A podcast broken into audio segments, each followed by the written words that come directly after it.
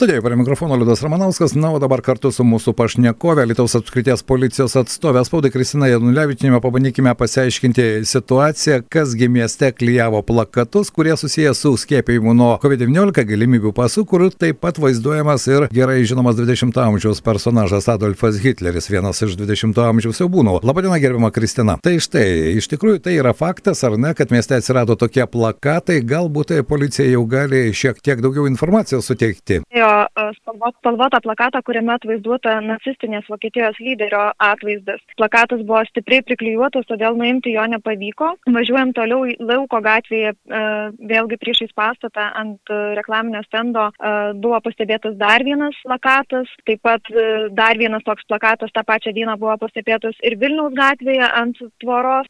Dėl to yra pradėta administracinė teisena.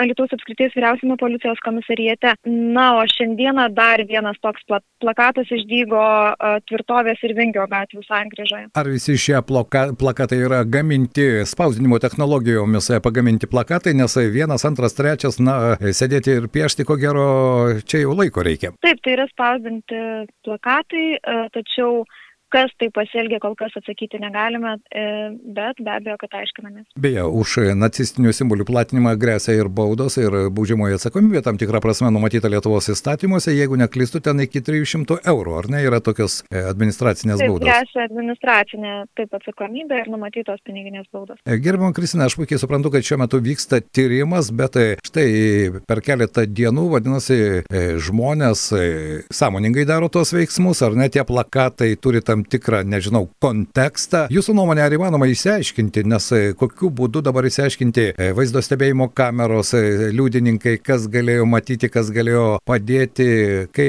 ką tokioje situacijoje gali padaryti policijos pareigūnai? Be abejo, tai didelis ir sudėtingas darbas. Tikimės pilietiškų asmenų pagalbos, kurie galbūt matė ir pastebėjo asmenys, kurie šitai pasielgė.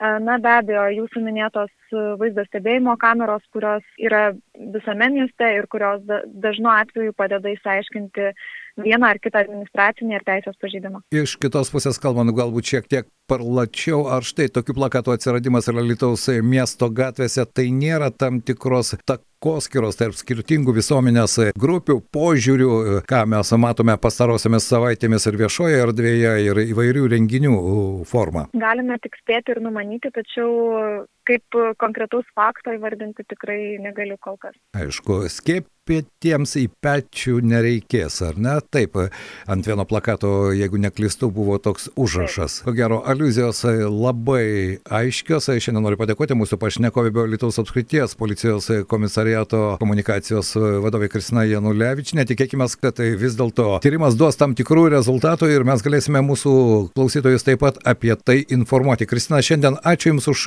trumpą komentarą komentarą. Ačiū Jums ir tikimės pilietiškų asmenų pagalbos, jeigu mus girdi tie asmenys, kurie matė ir žino, kas tai padarė, labai prašome kreiptis į policijos komisariatą. Kokiu būdu tai daryti? Skambinti, nes vėl žmonės po to sakys, ai, žinote, čia dabar liudininkų ieško, po to reikės man pačiam aiškintis į komisariatą vaikščioti ir istorija bus ilga. Geriausia ir patikimiausia skambinti telefonu 112 ir užregistruoti tokį pranešimą. Kągi, ačiū Jums, tai buvo Kristina Janulevičinė. Na, o mes kalbėjome apie tai, jog Lietuvos policija aiškinasi, kasgi mieste užklijavo plakatus susijusius su skiepijimu nuo COVID-19 ir galimybių pasų, kur taip pat vaizduojamas ir Adolfas Hitleris.